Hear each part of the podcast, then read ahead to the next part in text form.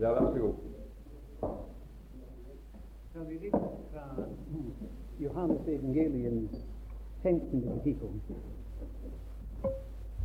Det 15. kapittel i Johannes evangelium av de to siste vers.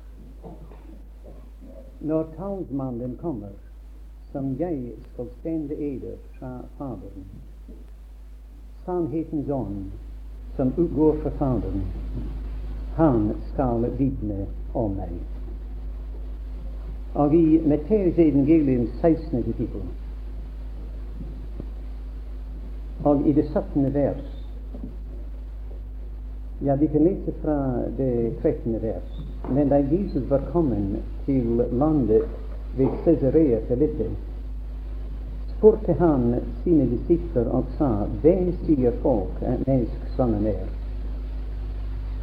De sa, Noen sier døperen Johannes, andre Elias, andre igjen Jeremias eller en av profetene. Han sa til den, men I, hvem sier I jeg er? Da svarte Simon Peter og sa, Du er Messias, den levende Guds sønn.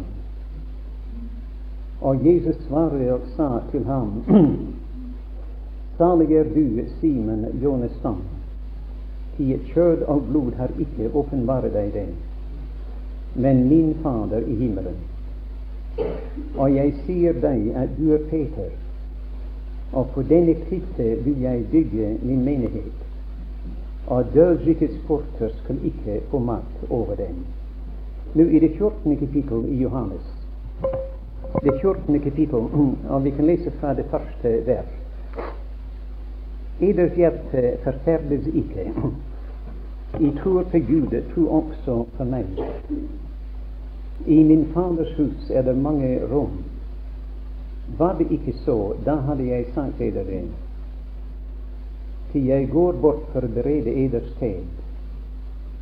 Og når jeg er gått bort og har beredt eders sted, kommer jeg igjen og vil ta eder til meg for at I skal være der hvor jeg er. Nå I disse tre oppleste steder har vi de tre største løfter som er i Det nye testamentet. Så store er disse tre løfter at alt annet i Bibelen eller i Det nye testamentet dreier seg om dem. Den første er 'Jeg skal sende talsmannen Den hellige ånd'. Den andre er på denne klippet vil jeg bygge min menighet. Og den tredje er jeg vil komme igjen og vil ta eder til meg, for at jeg skal være der hvor jeg er. Disse tre løfter er som tre veldige hvelvinger som strekker seg over hele denne tids husholdning helt fra pinsedagen og inntil at Herren kommer og oppfyller det løftet om å ta oss til seg til Faderhuset. Noen har sagt at det er flere tusen, mange tusen løfter i Bibelen. Nå, jeg vet ikke, men jeg tror det. Jeg kan godt tro det, at det er det. Til Bibelen begynner allerede i det tredje kapittel i første Mosebok har vi det første løftet, at kvinnens sæd skal knuse ormens hoved. Og det siste vers i Bibelen er et løfte. Se, jeg kommer snart.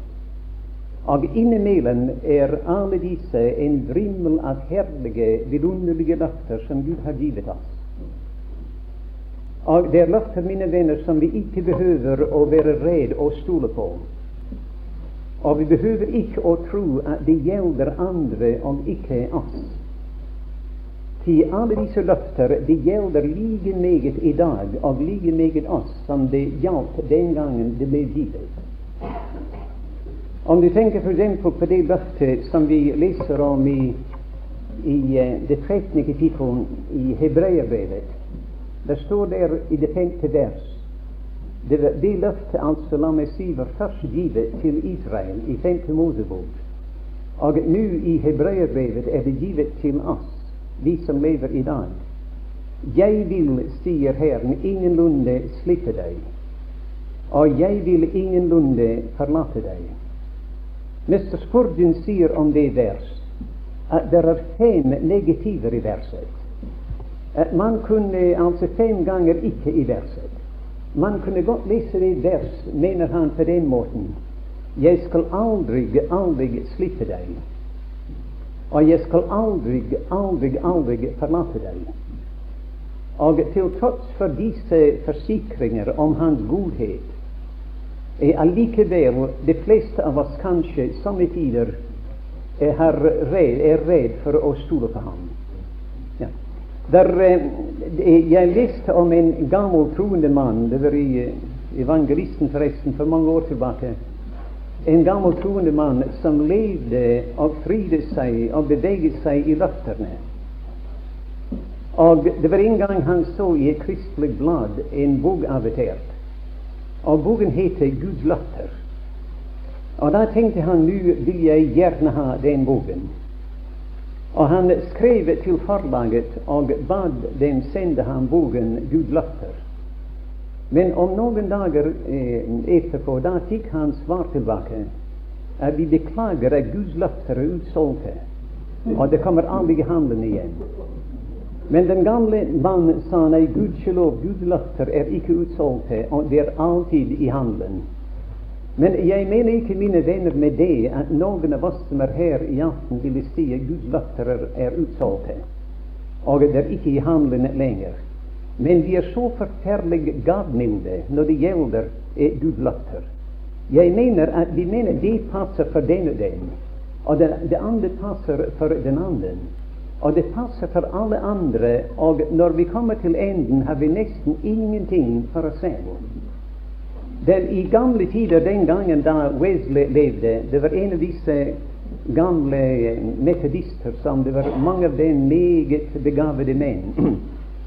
og det var en av dem som sa en gang til noen at den og den skal gå fortapt av gavmildhet. Og Vedkommende kunne ikke fatte det at noen kunne gå fortapt av galmenhet. Men da sa den gamle predikant at når man taler og kommer med disse rammende, alvorlige sannheter, da sitter vedkommende og sier det, det passer for den og den, og det andre passer for, uh, passer for noen andre. Og det beholder ingenting for seg selv. Vi må passe oss, mine venner, for å være altfor gavmilde når det gjelder disse hellige og alvorlige sannheter. Gud hjelper oss til å drikke inn disse løfter i våre hjerter, i vår sjel, og si gudskjelov, det tilhører meg. Og det er Gud har skjenket meg det. Som en gammel troende mann i mitt fedreland i Skottland, og han, da han leste Bibelen Han leste Bibelen alltid på den måten. Eksempel at, eh, at uh, Gud har lovet dere Gud John til han har velsignet deg, John, med all eh, åndelige velsignelser i himmelen i Kristus, John. Og han tilføyer sitt navn til, eh, til hvert løfte, eller hver vel, velsignelse. Det er det vi burde gjøre, å gjøre disse til vår egen eiendom. De gamle patriarker som vi har blitt hentydet til i dag, de levde og ble grunn av Guds løfter. De, vi leser i Hebreerne det eldste kapittel at i troen døde alle disse uten at de oppnådde løftene. Men det så dem langt borte, og det hilste dem. Og det bekjente at de var utlendinger og fremmede her i verden. Og skjønt, mine venner, de døde uten at de oppnådde løftene. Det ble ikke skuffet på grunn av det. Og det håp som vi har hørt om i dag, dette herlige løftet, altså 'jeg skal komme igjen og vil ta eder til meg', Gud hjelper oss til å fryde oss i det håp dag etter dag, og som millioner av det hellige har gjort. Og om du og jeg ikke skulle oppleve det håp, vi blir ikke skuffet når vi går herfra. For om vi ikke opplever det Hans tilkommelse til oss for å hente oss, vi har opplevd iallfall at vi er gått til ham, og vi treder inn der for hans velsignede åsyn og ser ham ansikt til ansikt, og kaster oss ned ved hans fatter og sier, 'Herre Jesus, nå er jeg her'. Og det blir lettere å vente her enn å vente der nede. Det er meget lettere å vente der i Guds paradis enn å vente her nede i denne ørken, denne ville ørken som du og jeg er på veien igjennom. Abraham han fikk løfte om staden, og han så den stad, og han så Kristi dag. Ikke Kristi lidelsers dag, det blir ikke Kristi dag. Men Kristi dag, mine venner, er den dag når han skal sitte på tronen, og når alt sammen skal, skal være under hans sekter da. Han skal regjere fra påle til påle. Det er hans dag. Når staden skal åpenbares. Og det var den dagen og den stad som Abraham så. Og vi leser han gledet seg, han frydet seg. Og han sa til sine omgivelser den gangen Jeg ønsker ingenting for eder her. Han sa til Sedomes konge da kongen kom og sa Abraham, ta du alt sammen, jord og sølv og, og alt sammen. Nei, sa Abraham. Jeg har flyttet min hånd til den høyeste Gud, at jeg ikke skal ta en tråd fra deg. Jeg er ikke avhengig av verden for å få noe. Men jeg er avhengig, jeg stoler på den levende, den evige, den høyeste Gud. Og han tok ingenting fra denne verden, men han tok sitt telt, og han flyttet teltet sitt så langt fra verden som han bare kom, eh, kunne komme. Forskjellen mellom Abraham og Lot var nemlig det at Abraham sa 'Jeg må ha min stad nå'. Abraham sa 'Jeg skal vente ved min, min stad'. Vi leser at Lot oppløftet sine øyne og så eh, Jordansleten, altså henne mot Sedoma, før Gud ødela Sedoma og Gomorra. Og han sa 'Tenk, det herlige slettet der, det ligner Herrens havet, det ligner Egyptens land'. Altså den mannen som Det nye testamentet sa var en, en rettferdig mann. Bare tenk for et øyeblikk at han blandet sammen i sin, sin tenkning Egyptens land og Herrens hage. Altså Herrens hage er paradis, og Egyptens land er verden. Og å blande hans eneste idé om paradis var det han så i Egypten. Han sa 'Jeg må ha min stad nå'. Denne stad her, som ligner Egyptens land, den skal jeg ha. Og han fikk den også. Og vi vet hva følgen ble. Han ble revet ut av den, frelst som gjennom ild. Men Abraham sa, 'Jeg skal vente ved min stad', den stad som hadde faste grunnvoller, og som Gud er byggmester og skaper til. Han har gitt meg løfte om det, og jeg skal vente på den. Det John Bunyan i sin pilegrimsvandring han forteller da pilegrimen kom inn gjennom den snevre port og han kom til inn ganske snart etterpå i fortolkerens hus. Og han så vidunderlige ting der i fortolkerens hus. Og blant annet kom han inn i et værelse. Og der satt der to gutter i værelset. Den ene het lidenskap, og den andre tålmod. Lidenskap så, eh, så ut så misfornøyet.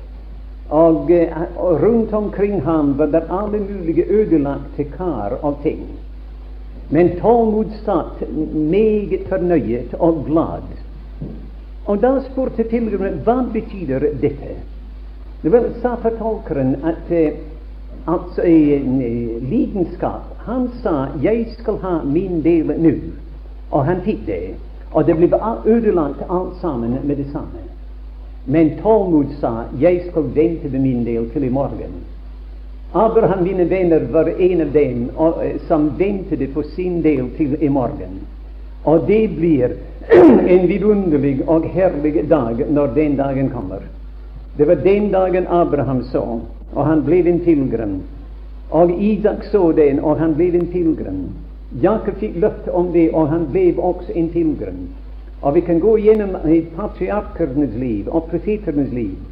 Og det som gjorde dem til utlendinger og pilegrimer og fremmede her nede i verden, var det var Guds løfter.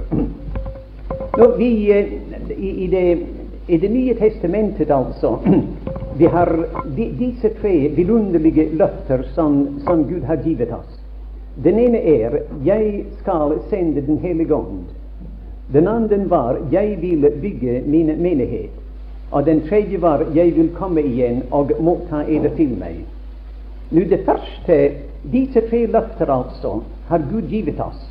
Det første av dem er oppfylt. Han har sendt sin Hellige Ånd. Den andre blir oppfylt dag etter dag. Han bygger nå sin menighet. Og den tredje skal han snart oppfylle, til Herren kommer snart. Altså den første av dem, mine venner, er oppfylt. Han sendte sin velsignede Hellige Ånd, sendte Ånden ned på pinsedagen. Og der uten i Jerusalem, altså på pinsedagen, da Den hellige ånd kom ned Han begynte å vandre her ved siden av den himmelfaren Isaks Rebekka. Og han, altså menigheten, bruden her nede. Og han har vandret ved siden av henne igjennom disse snart 2000 år. Somme tider når man leser f.eks. i uh, kirkehistorien, kan man vanskelig finne Guds menighet i jorden her. Man finner en del forfulgte uh, hugenotter og valdensere og disse andre kjære troende som hadde sitt hjem somme tider på fjellene eller i hulerne eller noe slikt. Mange av dem ble brent til aske, kastet blant løver.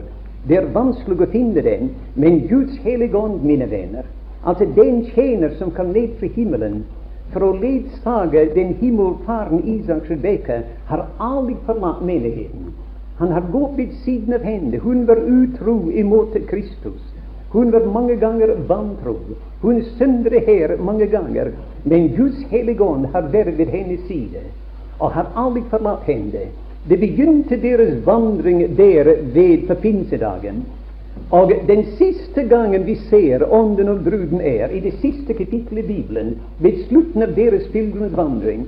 Og det står der begge to med sine øyne oppadvendt til himmelen. Og det ser inn igjen den dør som er åpen fremdeles.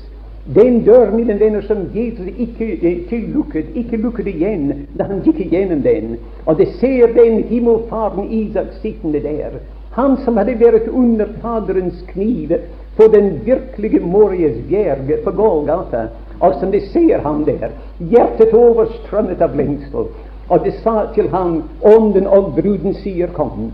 Og vær sikker på, mine venner, at det, den bønnen skal oppfylles og Gud elskede sønn skal komme tilbake igjen. Og det så der han sitter der på tronen, og det så ånden og bruden sier kom. Og som de så seg rundt omkring, det så en hel del troende som ikke var med den. Og de sa til, den, kom også i og si, hjelp oss til å si det, og si kom. Og det så lavere ned, og det så rundt omkring tørstige sjeler uomvendte sjeler, de som aldri hadde smakt livets vann. Og det sa til disse tørstige, kom og drikk. Og den som vil, la ham ta livets vann uforskyldt. Så der finner vi, mine venner, at Guds hellige ånd kom ned virkelig til pinsedagen. Han oppfylte det løftet, den Herre Jesus, og sendte ånden ned. Og en av de, de, de, dens ypperste viktigste hensikter var å følge menigheten, bruden, igjennom denne ørken, denne verden, inntil den dagen når han skulle være henne der. Til ordet der i Johannes 14 at 'jeg vil komme igjen og ta eder til meg'. Ordet der er virkelig 'jeg vil komme igjen og motta eder til meg'. Det, det er en forskjell mellom å ta en ting og å motta en ting. Om jeg kan inn i hjemmet ditt og det var en god bok som lå på bordet som jeg var interessert i. Om jeg tok den boken og stakk den i lommen, det ville ikke være pent til meg å si det aller minste. Men om du løftet boken og sa med her, du kan ha den boken, jeg mottar boken av din hånd. Når den Herre Jesus kommer, mine venner, for å hente sin menighet til seg, han skal motta bruden fra noens hånd. Den hellige ånd skal løfte hele menigheten opp og fremstille henne for ham uten plett eller rynke eller noe sånt. Og da skal det løftet være oppfylt. Men nå det er kanskje noen som sitter her i aften iblant oss. Jeg kjenner ganske få av dere. Men det er kanskje noen av dere som sitter i aften og tenker at bare jeg var sikker på at jeg hadde Den hellige ånd, det er det som interesserer meg, sier du. At jeg er en troende, jeg tror på den Herre Jesus. Han døde for meg, og han oppstod for meg. Og jeg har trodd jeg var frelst, men somme tider tviler jeg på det. Somme tider er jeg engstelig. Til det står i Romerne 8 at om noen ikke har Kristi ånd, da hører han ikke ham til. Og derfor er jeg somme tider engstelig. Nå vil jeg skal si dere, mine venner, det er godt for oss å se slike spørsmål inn i ansiktet. Og det er, det er godt for oss somme tider å gå inn i Guds nærværelse og ransake oss dere Hans nærværelse angående den grunnvoll for hvilken vi bygger. Men hva det angår, hva det, den vanskelighet angår, det behøver ikke være noen vanskelighet for noen som er her i aften. Til om enn det er meget alvorlig, er det allikevel meget lett å avgjøre. For jeg skal si det, det er mange vanskelige ting i Bibelen. Det er mange dunkle ting i Bibelen, som, og særlig det som Paule skriver, og andre, som Peter erkjenner. Men når det gjelder frelse og gjelder vårt forhold til Gud, da er disse ting ikke vanskelige. Nå, Det er et vers her i det første kapittel i Efeserbrevet det første kapittel og i det 13. vers. Og det her burde fjerne for alltid denne engstelse fra deg, og avgjøre for alltid uh, om du eier Den hellige ånd eller ikke. Vi leser her i det 13. vers i det første kapittel. I ham har også I, da I hadde hørt sannhetens ord, evangeliet om eders frelse, nå, Det finnes ingen her i dag som ikke har hørt evangeliet om frelse.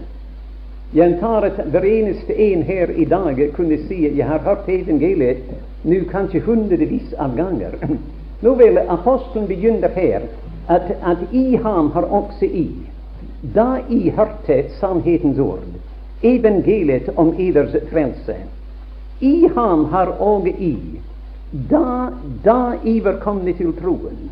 Altså ikke etter i var kommet til troen, som om det gikk en tid mellom vår tro og mottagelsen av Den hellige ånd. Men da Iver kommet til troen, fått til innseil Den hellige ånd som var oss lovet. Jeg skal si mine venner, hva, hva det innseil er for noe. At det øyeblikket den sjel som er her i aften, trodde på den Herre Jesus Gud sier 'den sjel er min', og jeg skal sette min stempel på ham eller henne. Den sjel tilhører meg.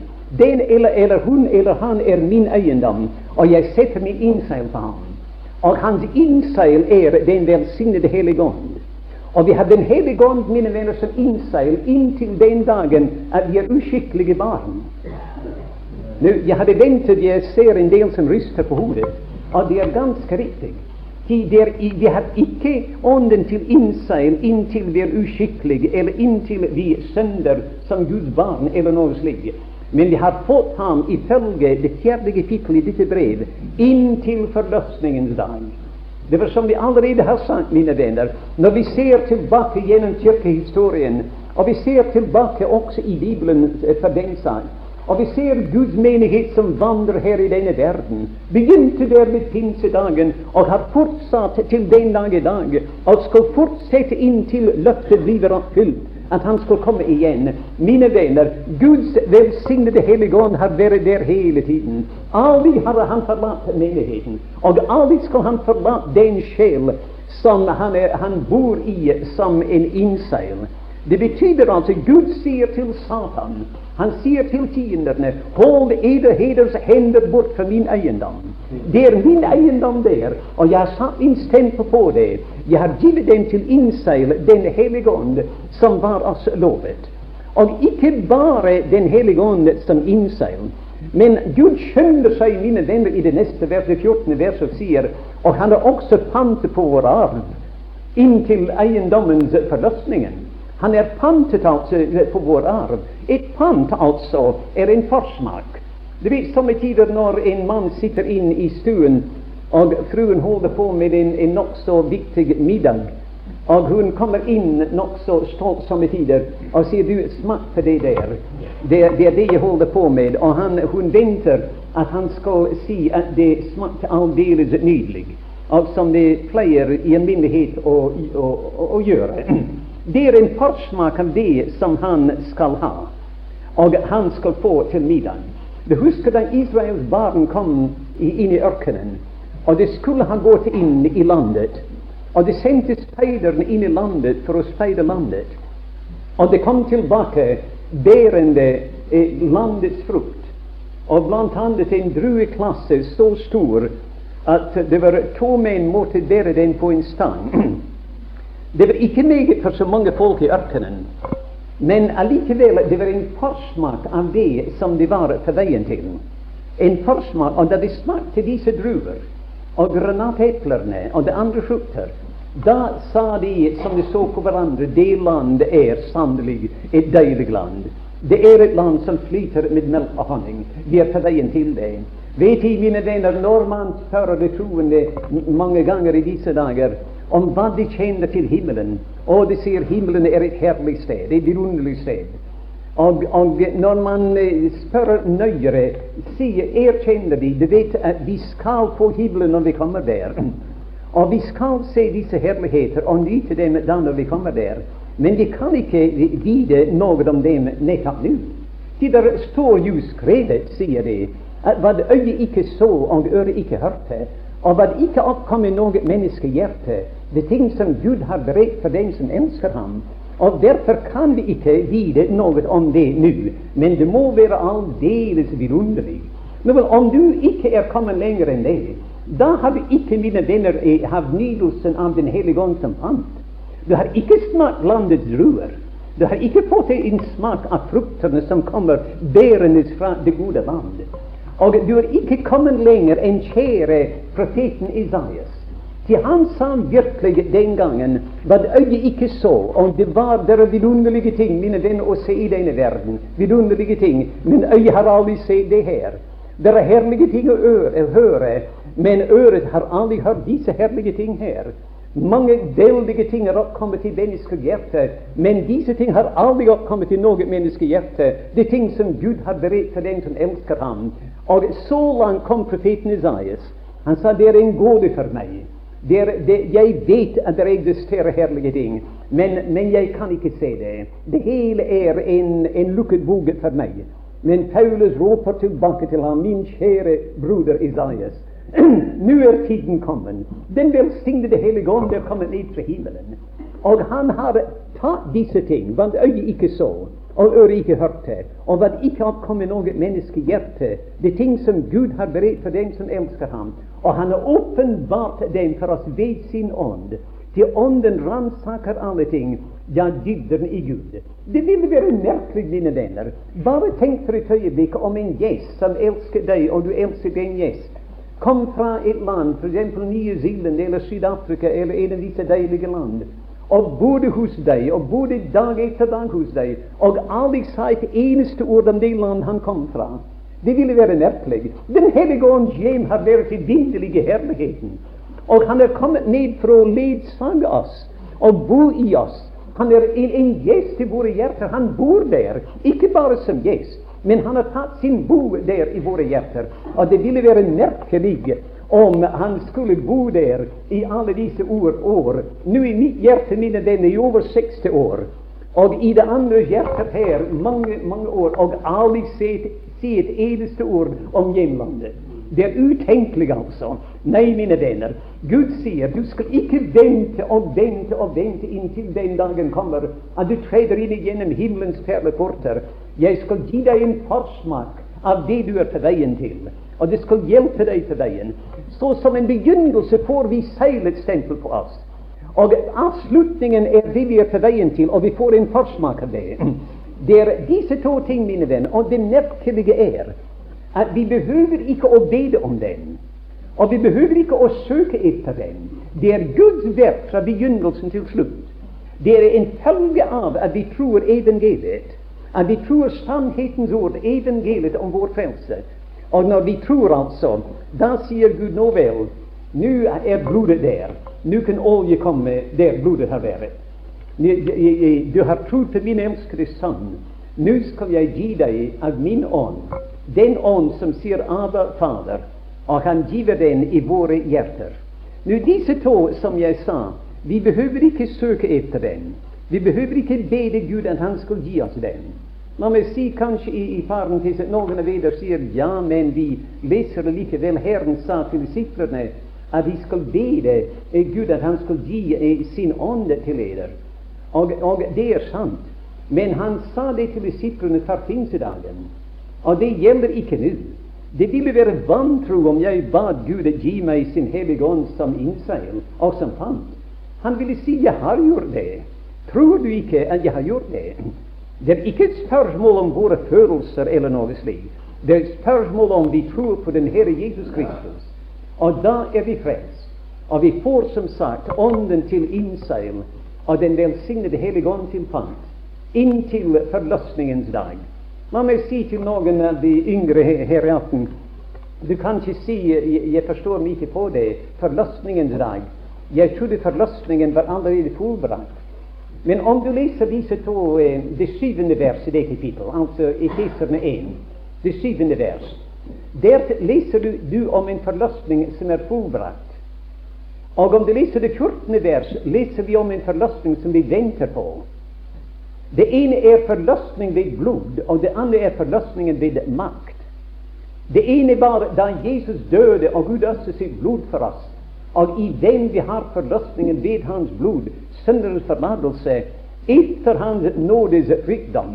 Og det, det er aldeles Jeg tenkte en gang, mine venner, som en yngre troende, at høyere enn det der kunne man aldri komme. Høyere enn denne vidunderlige nåde kunne man ikke komme, altså.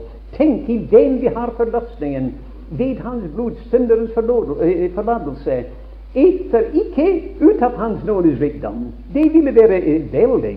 Om f.eks. En, en av disse millionærer inne i Haugesund om en, en stakkars traff en av dem på gaten og sa 'Jeg er så sulten, og jeg er så fattig og trengende, og om du kunne hjelpe meg' Nå vel, sier han at 'her har du en ti kroner'. Nå vel, det ville være ut av hans rikdom. Men om den millionær sa 'Nå skal jeg gi deg etter min rikdom', det ville være en forferdelig stor eh, penge eh, han ville få. Mine venner, Gud giver oss ikke ut av sin rikdom, men han giver oss etter sin rikdom. Og jeg skal si dere, englene kan vel misunne oss når de ser på oss. Og når den dagen kommer, vi står der på tronen, når vi står ansikt til ansikt der på tronen, når vi er ved hans side, hans side, mine venner, som hans brude der, som hans menighet, og skal være med ham evinnelig, jeg skal si dere, det blir ut av hans rikdom. Eller etter hans rikdom, og ikke ut av det. Det er hva vi har i det syvende vers. Men i det fjortende vers det, det er ikke nå forløsningen ved blod, men vi venter på at, at le, ånd, sjel og legeme, og også denne, denne arven og alt sammen skal forløses ved makt. Kristus skal komme igjen og føre alt sammen over på eh, herlighetens grunn. Men nå la meg si at eh, ikke alene er disse to i eh, sannheter om Den hellige ånd eh, vår som en gave. Altså uten at vi søker den, eller uten at vi beder om den. Men vi får den på grunn av at vi tror på den Herre Jesus. Men den sannhet som er så meget omtalt i dag, nemlig Den hellige ånds dåp Den hellige ånds dåp, mine venner, er ikke en erfaring som vi skal søke etter. Det er ikke en opplevelse som vi skal vente på og bede om, som skal finne sted. Det er en herlig tjenestgjerning som vi skal tro. Det er to sannheter, to virkeligheter som aldri blir gjentatt, verken i tid eller evighet. Den ene er Golgata, og den andre er pinsedagen. Det ene er Guds svar til den andre. Altså Pinsedagen var Guds svar til hva den Herre Jesus gjorde da han hang på korset og fullbrakte forsoningens veldige gjerning. Men noen av dere ville si til meg at det der holder ikke aldeles stikk. Til jeg kjenner en eller kanskje flere troende. Og disse kjære troende søkte og fikk en veldig opplevelse. De fikk denne åndsdom. Og jeg, jeg, skal erkjenne mine venner, og Gud give at alle sammen av oss ville søke etter opplevelser. Vi lever et ganske alminnelig liv altfor ofte. Ingen av oss har noen særlig opplevelse. Vi burde ha opplevelser. Vi burde leve for opplevelser i Guds nærværelse. Men om du spurte nå disse kjære troende som sier at de har opplevd sin ånds dåd Om du spurte dem nå, forklar for meg, fortell meg hva det var du opplevde, de ville antagelig si noenlunde slik mitt liv var en ganske, ganske alminnelig liv som en troende. Ganske liten glede, ikke ofte glad. Meget ofte nederlag og sjelden riktig seier. Og jeg gikk der igjennom verden, som i tider tvilte jeg. Og jeg har ikke noen glede av å være en, virke, en virkelig glede av å være en troende. Men da ble jeg trett, til jeg visste at det var noe, noe som Gud gjerne ville gi meg. Og jeg trengte meg inn i Hans nærværelse. Og der leste jeg min bibel målbevisst, og jeg bad til Herren. Og jeg kjempet der i bønne til Gud. Og jeg kjempet og jeg ba der uten et menneske ved nærheten. Inntil plutselig kom der et lys inn i min sjel. Plutselig ble der, fikk jeg en opplevelse som jeg aldri før hadde hatt. Og Kristus fra den dagen ble mitt alt og i alle. Og han fyller mitt hjerte med ubeskrivelig glede. Min, mine venner, det der er en virkelig opplevelse. Og som jeg sa i stad, Gud gi deg, du jeg levde mer for slike opplevelser. En herlig opplevelse. Bare tenk å bytte over fra nederlag og, og mangel på glede og bytte over til glede, et overstrømmende liv, det overflødige liv. Det er noe, mine venner, å ta etter. Men allikevel, det er ikke Den hellige ånds dåp. Det er den opplevelse som mange tusener av kjære troende har hatt. Og det har kalt det ved et, et forkjært navn, altså. Det har sagt det var min ånds dåp. Men det var ikke deres ånds dåp. Altså, det som de opplevde der, var simpelthen den helliggjørelse som tilhørte dem fra de ble omvendt til Herren. Nå er den blitt til en kjengjerning. Det er blitt til en levende virkelighet. Om jeg skal vise eder altså den samme erfaring fra, fra Det nye testamentet. Om du slår opp f.eks. ved leilighet i syvende kapittel i Romerbrevet, og du kan lese fra det 14. vers i det kapittelet, og du skal finne der at den mann som er der, er om det er noen mann var elendig i denne verden, det var den sjelen. Og allikevel, når vi tenker at den sjel i, det, det, i Romerne 7, og fra det 14. vers 37 ganger er han liksom på kne der. 37 ganger sier han 'jeg, jeg og meg, meg'. 37 ganger. Og den mannen mine venner er allikevel den samme mann som i det femte kapittel var rettferdiggjort ved troen, og hadde fred med Gud ved vår Herre Jesus Kristus, og hadde en stilling i nåde, og roste seg av håp om Guds herlighet. Og der er han i det syvende kapittel. Ble han ikke riktig omvendt i det femte kapittel? Jo, han ble rettferdiggjort, mine venner, fikk fred med Gud, roste seg av håp om Guds herlighet. Og hva var det da som var feil? Jo, syndens spørsmål var ordnet for ham. Han ble frelst, herlig frelst, rettferdiggjort. Men nå var det et dypere spørsmål som beskjeftiget ham. Han tenkte på altså det mennesket, den sønn som bodde i seg. Han lengtet etter befrielse fra det. Han lengtet etter denne helliggjørelse, fullkommen helliggjørelse, som vi har hentydet til i dag. Og han tenkte om jeg skal ha den, da må jeg bekjempe dette onde som bor i meg. Og han begynte der. Og han sier nei, når jeg vil gjøre det, det, det gode, det onde er der. Og det onde som de ikke vil, det, det gjør jeg. Og det ble verre og verre for denne mannen, inntil i, i det dypeste fortvilelse og elendighet ropte han ut, Jeg elendige menneske, hvem skal fri meg fra dette dødens legeme? Og da plutselig, fort som jeg kan tale det, altså, plutselig så han noe. Plutselig fikk han sine øyne feste på noen. Det var for Kristus, mine venner. Og han ropte ut av et hjerte som nå var befriet at jeg takker Gud ved Jesus Kristus, vår Herre. Og da begynte han å synge. Det er to sanger altså i romerbrevet. Den ene er i det femte kapittel. At etter vi kommer over Det røde hav Det røde hav er det siste vers i det fjerde kapittel. Han ble given for våre overtredelser og oppreist til vår rettferdiggjørelse. Opp fra vannet, altså. Og vi står på den andre side, og da åpner vi vår munn når vi synger. At da vi nå er rettferdiggjort av troen, har vi fred med Gud ved vår Herre Jesus Kristus. Og ved den vi har fått adgang til denne nåde i hvilken vi står, og der er det gode land, og jeg, vi er på veien til Kanen, og vi roser oss av håp om Guds herlighet. Det var den første sang. Men ørkenen, mine venner, hadde to sanger. Først i begynnelsen av ørkenvandringen, og siden da det kom til enden av ørkenvandringen. Da sang de den sangen som du husker i 4. Mosebok 21, delt opp på kilde. Det sang nå om Ånden, og det frydet seg på grensen av Kanen. Det er hva vi har da, når det, denne kamp er slutt i, uh, i det syvende kapittel. Og vi får vårt øye feste på ham. Bare et blikk. Det går fortere, mine venner, enn en, en jeg kan forklare det. Det går fortere enn en, en man kan si det. Vi løfter våre øyne fra vraket, og vi fester den på klippen, og vi ser Kristus. Vi forlater vraket, og vi går til det faste land. Vi, vi vender våre øyne fra jeg, jeg og meg og meg, og den kamp som de volder, og vi fester våre øyne på Kristus. Og da synger vi det er da nu ingen fordømmelse for den som er i Kristus Jesus. Og det er én ting merkelig i forbindelse med disse to kapitler. Du skal lese, Om du leser den delen av uh, det syvende kapittel, skulle finne at, uh, det, at det som volder striden der, er at det gode jeg er imot det dårlige jeg. Og det, det dårlige jeg har alltid vært uh, herre over det, det gode jeg. Alltid vært sterkere. Kain var sterkere enn Abel. Ismail enn en, en, en Isak.